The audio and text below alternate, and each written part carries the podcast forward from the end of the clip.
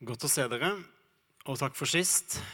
Um, heter fortsatt Johannes Vålandsmyr og jobber i Nordmisjon i regionen. I dag så har jeg lyst til å si noe om det å bli ledet av Den hellige ånd. Og da er det kanskje noen av dere som tenker at å, skal han snakke om det? Det der, nei, det der, jeg, det der, er ikke noe for meg. Det der etterlater jeg til de der er veldig, veldig ivrige, eller et eller annet sånt. De får ta seg av det, og så, og så kan jeg Nå får han tale om det, og så kan jeg sitte og tenke på noe annet imens. Eh, og så er noe av budskapet i dag det er det at eh, her er absolutt alle invitert. Det handler egentlig til, det, det, hører til det som vi hørte du synge om, om å være Guds barn.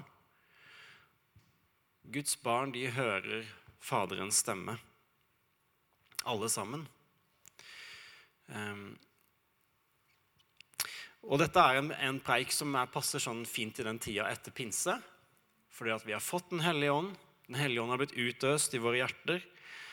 Og Den hellige ånd hjelper oss å si 'Abba, far'. Den minner oss på alt det som Jesus har sagt. Den hellige ånd er vår trøster, vår forsvarer, vår rettleder og vår veileder. Og det er den siste egenskapen med Den hellige ånd, eller den siste oppdraget som Den hellige ånd har, nettopp å være vår veileder, som jeg har lyst til å si noe om. For det er egentlig det det handler om om å bli ledet av Den hellige ånd. Det er at Den hellige ånd viser oss en vei. Den peker på noe leder oss på en vei. Men jeg, jeg, jeg har også lyst til å be en bønn før jeg sier noe mer. Herre Jesus, nå inviterer jeg deg til å være midt imellom oss. Og takk for at du har lova at det vil du være. Nå ber vi Jesus om at du må åpne opp ditt ord for oss. Sånn at vi kan ta imot hver og en av oss det som du ønsker å si oss i dag. Takk, Jesus, for at du ikke lot oss bli igjen som foreldreløse barn, som du sier i ditt ord. Men du sendte din Hellige Ånd, som har som sitt hovedoppdrag å peke på deg, Jesus, og vise oss hvem du er. Amen. Veileder. Tenk over det ordet. Den som hjelper oss å finne veien. Hvilken vei? Jo, Jesu vei. For det var det som var Den hellige ånds oppgave. Å herliggjøre Sønnen og vise oss hvem Sønnen er. Og for å gi oss litt to forskjellige blikk på Den hellige ånds ledelse skal vi se på to forskjellige tekster i Bibelen. Den ene er fra Efeserne 2, vers 8-10.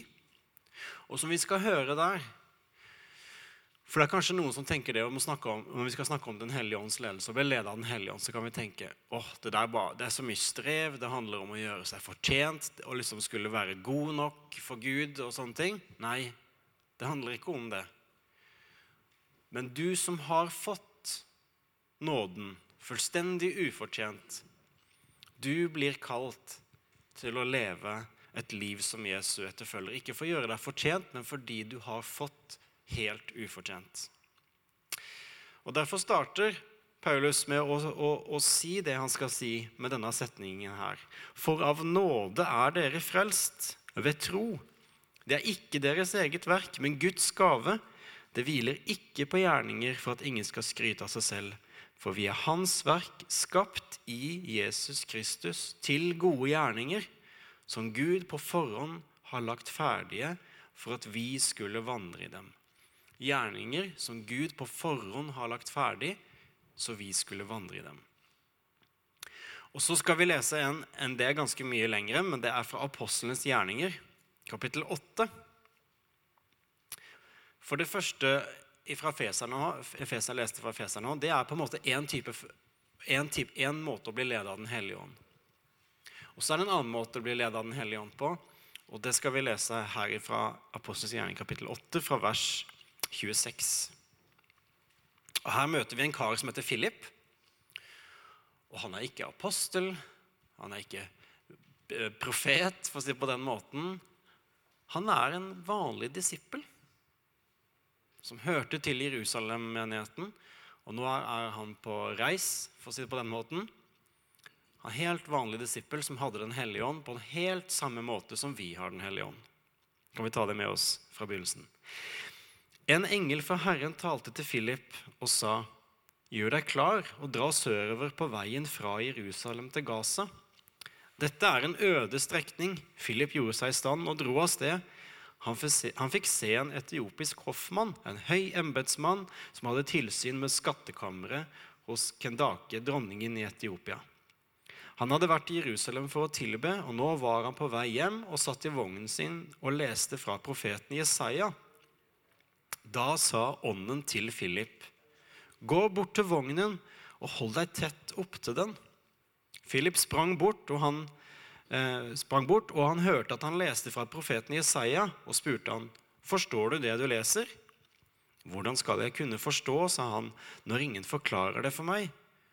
Så ba han Philip komme opp i vognen og sette seg ved siden av ham. Det stykket Skriften han holdt på å lese, var dette. Lik en sau som føres bort for å slaktes, lik et lam som tier når det klippes, åpnet han ikke sin munn. Og da han var fornedret, ble dommen over ham opphevet. Hvem kan fortelle om hans sett, for hans liv er tatt bort fra jorden? Hoffmann sa til Philip, si meg, hvem er det profeten taler om her? Er det om seg selv eller om en annen? Da tok Philip det ordet. Han begynte med dette skriftstedet og forkynte evangeliet om Jesus for ham. Mens de kjørte langs veien, kom de til et sted hvor det var vann, og hoffmannen sa, Se, her er vann. Hva er til hinder for at jeg blir døpt? Philip svarte, Hvis du tror av hele ditt hjerte, kan det skje. Da sa han, Jeg tror at Jesus Kristus er Guds sønn. Så lot han vognen stanse, og de steg ned i vannet, både Philip og hoffmannen. Og Philip døpte ham. Da de steg opp av vannet, rykket Herrens ånd Philip bort, og hoffmannen så ham ikke lenger. Han fortsatte lykkelig videre på sin vei. Men Philip viste seg senere i Ashtod, hvor han forkynte evangeliet i alle byer han reiste gjennom, helt fram til Cesarea. En ganske sprek historie om eh, hvordan Philip får helt tydelig konkret beskjed, eller helt tydelig veiledning fra Den hellige ånd. Du skal gå til Gaza, gå tett opp til vognen, og så er det en, en, en situasjon som Gud har forberedt. Et hjerte som Gud har gjort klart for å ta imot de gode nyhetene om Jesus Kristus. Jeg har noen få ganger i livet opplevd veldig konkret veiledning fra Den hellige ånd. Veldig konkret ledelse fra Den hellige ånd. Hva jeg skal si, hva jeg skal gjøre. Omtrent sånn som, sånn som Philip opplever her. Gå bort til den vognen. Og jeg vil tippe at mange her inne hvis de tenker oss om, har opplevd, opplevd en eller annen gang, eller kanskje flere ganger, at jeg opplevde å få en tanke, få en innskytelse. Gå, gå dit. Ring til den personen i kveld. Spør åssen det går med. Og så plutselig så opplever du at du står i en situasjon som ikke er ditt verk, men som Gud har gjort klart for deg. Og du får bare på en måte bare plumpe oppi det, og så bruke deg sjøl i den situasjonen. Og så ser du at det bærer rikelig frukt. Jeg har opp, fått opplevd det noen få ganger, og en gang så, som kanskje er den jeg opplevde eh, tydeligst, på en måte Eller ja, det er vanskelig å måle de opp mot hverandre. Eh, det var en gang jeg skulle ta flyet fra Kjevik til Trondheim. Og på det flyet så eh, kom det en mann med en datter og skulle sitte ved siden av meg. Og han hadde veldig tydelig vondt i ryggen, og han snakka høyt om det, at han hadde vondt i ryggen. og 'Nå må du være snill, jenta mi, for pappa har også vondt i ryggen.' og sånne ting, holdt han på. Og umiddelbart, omtrent, så fikk jeg en tanke. 'Johannes, spør om du kan be for han. Spør om du kan be for han.' Og jeg tenkte med meg sjøl nei, det der er så rart å bare spørre en vilt fremmed person om jeg kan be for han. Det der, det gjør jeg ikke. Og så begynte jeg å krangle, eh, krangle litt med, med, Gud holdt jeg på å si, om det. Og så gikk vi på kompromiss da, jeg Gud, at jeg skulle be for han når seltebeltelyset gikk av. Og så gikk det av, og så sa jeg det. Du, unnskyld, det her, det her virker veldig rart, men, men jeg la merke til du sa du hadde veldig vondt i ryggen. jeg er kristen og tror at Jesus kan helbrede. Da kan jeg få lov å be for deg. Og han så helt naturlig reaksjon fra en nordmann. Han så litt rart på meg. og eh, så han bare Ja, eh, sa han først. Og så eh, Nå? sa han etterpå. Eh, og jeg var jo da et millisekund veldig frista til å si nei, vi tar det bare en annen gang. Men eh, Jesus sa ja, hvis det er greit, så ber vi nå. Og jeg var, jeg var stressa, det var kjempeukomfortabelt. Og jeg ba. Eh, kort bønn. Jesus, takk for at du lever. Be meg at han skal bli helbreda. Amen. Og jeg bare stirra rett inn i setet foran meg når jeg var ferdig å be. For det her var så rart. Og han takka litt sånn, og så, og så um, gikk det noen minutter. Og så mista hun dattera en leke ned på gulvet. Og så plutselig så, han bare, så går han bare rett ned og tar den leka. Og jeg ser liksom at han blir litt sånn overraska i ansiktet. Og så går det et minutt til, og så sier han Du, jeg tror faktisk ryggen ble helt fin. Og jeg, jeg var like overraska som han.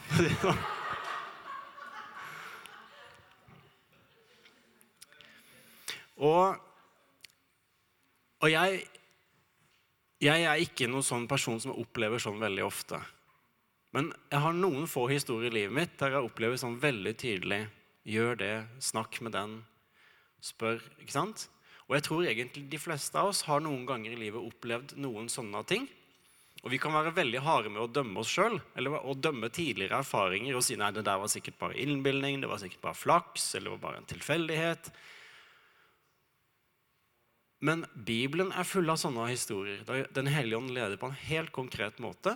Og jeg tror at som kristen fellesskap så kan vi òg fortelle hverandre historier om, eh, om, om, om, lignende ting. Og min erfaring, og det tror jeg er veldig viktig å si, at det handler ikke om min fromhet eller min fravær av fromhet eller mine bragder eller nederlag. Men de opplevelsene er det en sånn opplevelse at jeg liksom var liksom tilfeldigvis på rett sted til rett tid.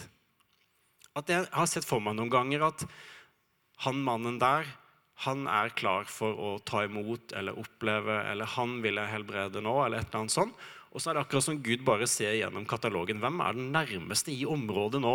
Jo, det var, ja, det var Johan. Ja, ja, la gå, da. Vi får spørre Johannes om han kan gjøre det. Ikke sant? Bare for å sette det litt på spissen. At det var sånn Tilfeldigvis så var jeg den nærmeste i den situasjonen.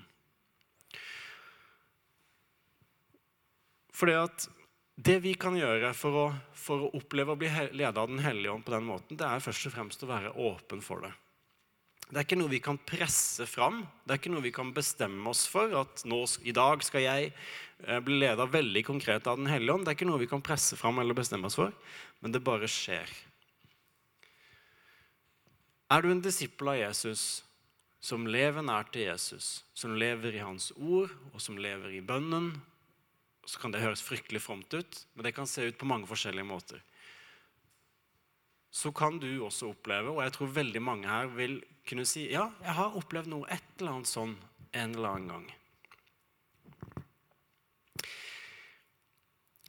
Det er på en måte den, for å si det på den ja, for å si Det sånn, det er den ene måten vi kan bli ledet av Den hellige ånd på. Når vi opplever en veldig konkret innskytelse om å gjøre sånn eller sånn eller si sånn eller sånn.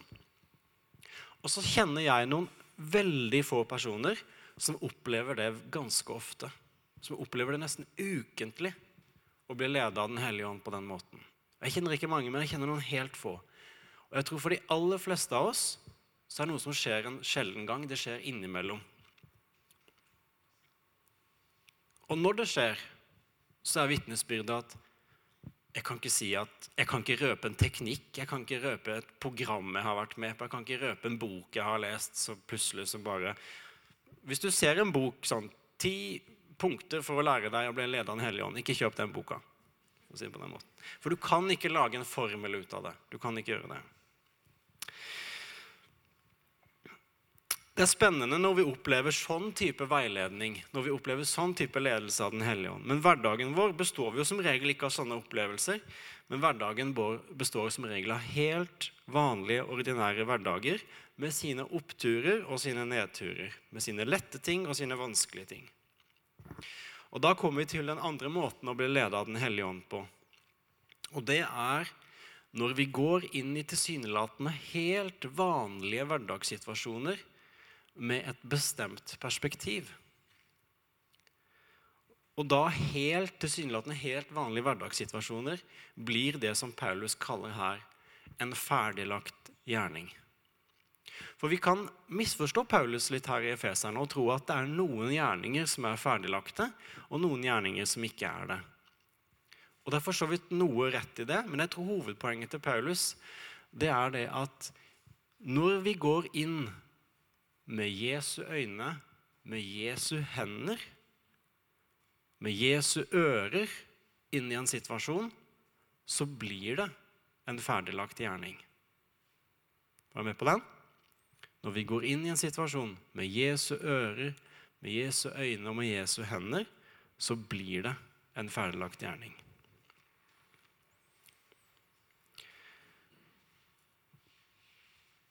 Vi kan starte dagen vår med å si i dag vil jeg gjøre store ting for Gud.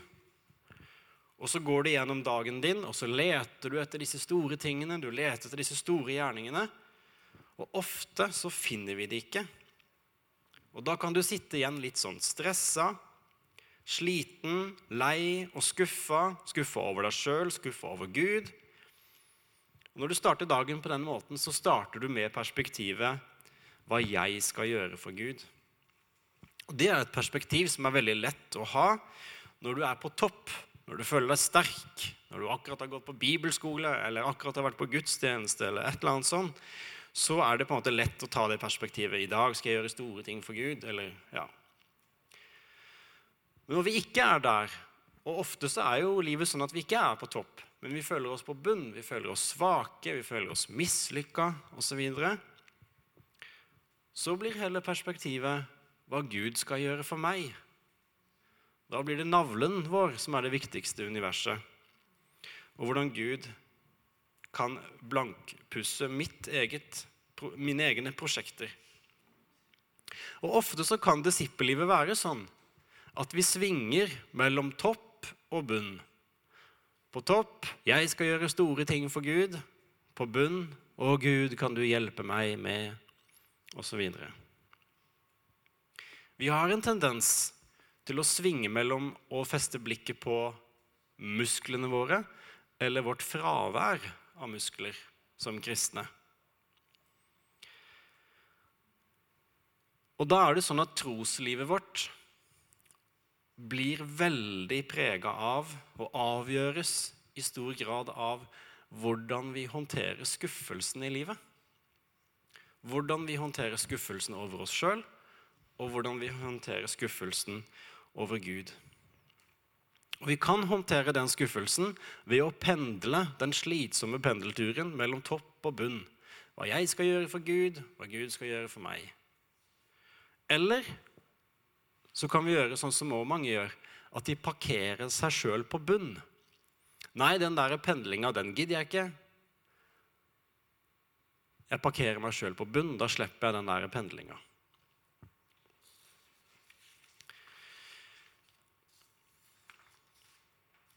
Og så er det det at det finnes et alternativ. Det finnes en tredje løsning, for å si det på den måten. For både det ene alternativet, å pendle mellom topp og bunn, og det å parkere seg sjøl på bunn, det er jo ikke egentlig så veldig gode løsninger. Men det finnes en tredje mulighet. Og den tredje muligheten, det er det perspektivet som jeg nevnte i stad. Når en helt vanlig situasjon blir en ferdiglagt gjerning. Det er dette perspektivet som vi kan si på denne måten. Hva gjør du nå, Jesus? Hva gjør du nå, Jesus? Ikke hva jeg skal gjøre for Gud, eller hva Gud skal gjøre for meg, men hva gjør du nå, Jesus? Eller en annen måte å si det på er Hvor går du nå, Jesus? Hvor går du nå? Og hvordan kan jeg følge etter? Hvor går du nå, og hvordan kan jeg følge etter? Eller du kan si det på en annen måte. Hva gjør du nå, Jesus, og hvordan kan jeg ta del i det? Da merker du denne perspektivforskyvninga ifra musklene mine, eller mine fravær av muskler, eller perspektivet der navlen er det viktigste i livet, for å si det på den måten, til Jesus. Hva gjør du nå, og hvordan kan jeg ta del i det? Hvor går du nå, Jesus, og hvordan kan jeg følge der du går? Og dette her er ikke sånn filosofiske, sånn abstrakte ting. Ja, det høres jo kjempefint ut sånn når du sier det sånn, men jeg mener det helt konkret. Helt konkret. Når du kommer inn i en situasjon,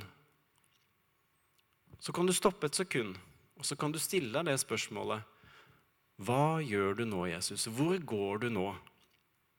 Og det lille sekundet der, det er nok til at vi åpner oss opp, og hever blikket, og så kan en situasjon tilsynelatende kjedelig hverdagssituasjon bli en ferdiglagt gjerning.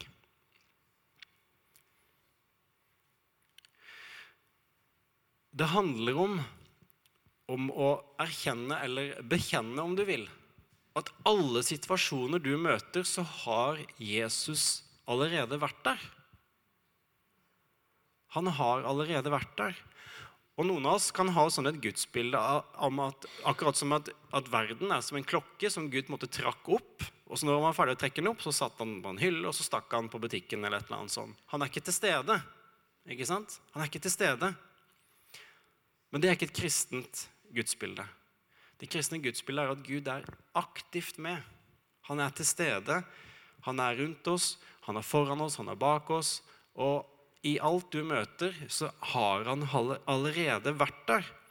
Og Det betyr at når du møter en vanskelig situasjon, eller en god situasjon, en lett situasjon, eller spiller ingen rolle, så kan du stille spørsmålet Hva gjør du nå, Jesus? Hvor går du nå, Jesus? Fordi at Det er en av de tingene som jeg syns er fantastisk med Jesus, at han er aldri rådvill. Har du tenkt over det? Jesus er aldri rådvill. Han setter seg aldri på sengekanten med ansiktet i fanget holdt jeg på å si, og bare 'Nei, hva gjør jeg nå?' Han er aldri rådvill. Han finner alltid en vei. Han vi tilhører, finner alltid en vei, og han sa 'følg meg'. Tenk på det. Han som aldri er rådvill, sier 'følg meg'. Det betyr at når du møter en situasjon, så tilhører du en som alltid ser en vei gjennom situasjonen. Og det betyr ikke at alle situasjoner løser seg. At alle situasjoner plutselig blir gode, eller alle situasjoner plutselig blir lette å bære eller behagelig å være i. For er det noe vi vet om Jesu vei, så er jo det at den ikke var behagelig. Er du med på den? For Jesu vei, det er korsets vei. Det er herlighetens vei, men det er også lidelsens vei. Så det å finne Jesu vei, og det blir leda av Den hellige ånd i hverdagen, det handler ikke om å finne en behagelig og lett vei. Veldig ofte så handler det om å finne den smertefulle veien gjennom ting. Å se ondskapen i øynene sånn som Jesus gjør på korset, det er jo ikke behagelig, det er ikke lett. Men det er Jesu vei, og det er den rette vei. Og Den hellige ånd, han er vår veileder som skal hjelpe oss å finne Jesu vei i alt det som møter oss.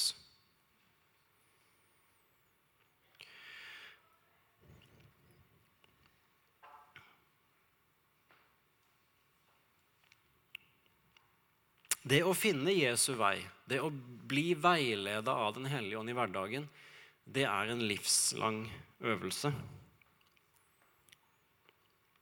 Og så som Jesus sa, 'Jeg lar dere ikke bli igjen som foreldreløse barn', men jeg sender til dere Han som skal vise dere veien. Men jeg har lyst til å gi dere noen konkrete tips for dette her er ikke svevende greier. Dette handler om din hverdag. Veldig konkret. Så istedenfor å starte dagen med å be til Gud og si 'Jesus, må du gå med meg i dag?' Så kan du starte dagen med å si 'Jesus, hjelp meg å få øye på deg i dag'. Hjelp meg å se hvor du går i dag. Ser du den, forskyvninga ifra 'Jesus, må du følge meg i dag', ikke sant? til 'Hjelp meg å få øye på hvor du går i dag, Jesus'. Så det var begynnelsen av dagen. Og midt på dagen, når du står i de ulike situasjonene, så gjør som jeg sa i stad, stopp opp det ene sekundet som det av og til trengs, og si 'Hvor går du nå, Jesus? Hvor går du nå?' Det sies, det er en sånn kristen legende at når Peter var i Roma og skjønte at nå var romerne ute Det er, det her er etter apostlenes gjerninger, etter kapittel 28. Når Peter er i Roma, og han eh, skjønner at romerne er ute etter å ta han og vil ta livet av han, så rømmer han fra Roma, Peter. Og så plutselig så stopper han opp på utsida av Roma. Og så bare Oi. Nå holder jo egentlig det som skjedde i påska, nå holder det på å gjenta seg. Jeg flykter igjen. Og da sier den kristne legenden da stoppa Peter opp. Og så sa han nettopp det. Hvor går du nå, Herre? Og Så sier legenden at han så et syn da at Jesus gikk inn i Roma. Og han gikk inn i Roma, blei tatt til fange og blei korsfesta. Opp ned. Hvor går du nå, Jesus?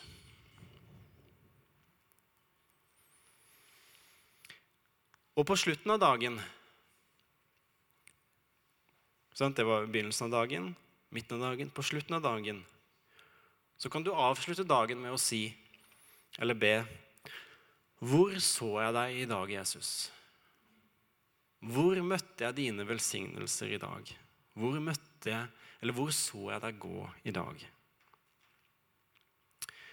Og Dette her er ikke noe mirakelkur, det, disse tre konkrete tipsene jeg sa nå. Men poenget er at over tid, etter å ha gjort det mange ganger, mange dager, mange år, over tid så gjør vi det som forfatteren av Hebreerbrevet skriver om, som å øve opp sansene til å skjelne mellom godt og ondt. Eller vi øver opp sansene til å gjenkjenne Den hellige ånds stemme i hverdagen vår.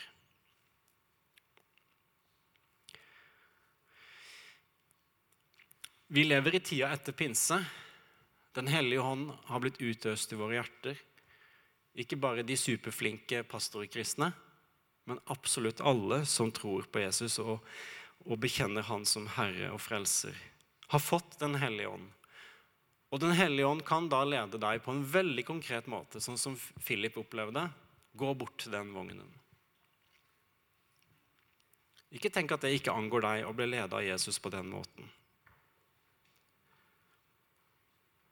Og så handler det om å møte alt som, møter, alt som du møter i din hverdag, med Jesu blikk, med Jesu øyne og med Jesu ører og med Jesu hender. Og Hvis du skal huske Hvis du kommer hjem og de spør hva talte han om i dag, så, så på fall, den her er lett å huske. Flytt perspektivet fra hva Gud skal gjøre for meg, og hva jeg skal gjøre for Gud, til hva gjør du nå, Jesus? Og hjelp meg å følge deg. La oss be. Herre Jesus, jeg takker deg for at du bor i våre hjerter ved Den hellige ånd. Og du Hellige Ånd, du har mange oppgaver, og kanskje det viktigste av alle er at du hjelper oss til å kalle Gud vår far. Og så ber jeg lyst til å be for de i rommet som kanskje ikke kjenner seg igjen i det. Som kjenner at nei, det, det, det klarer jeg ikke å kalle Gud min far. Og da ber vi Helligånd om at du skal åpenbare det for dem. Det er ikke noe jeg kan presse fram sjøl, men det er noe som Den hellige ånd må skape i hjertene våre. Så jeg ber om det nå, Jesus. Og så ber jeg for de jeg som, som, som tror på deg, men som stort sett løper sin egen vei. Herre Jesus, må du åpenbare deg som veilederen. Så de i sin hverdag, i store og små valg, kan stille seg spørsmålet hva gjør du nå, Jesus? Hvordan kan jeg følge deg?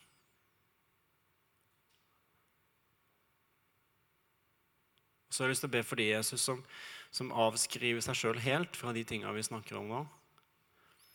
Be om at de skal få erkjenne og se med egne øyne at Den hellige ånd er virkelig. At han leder i dag.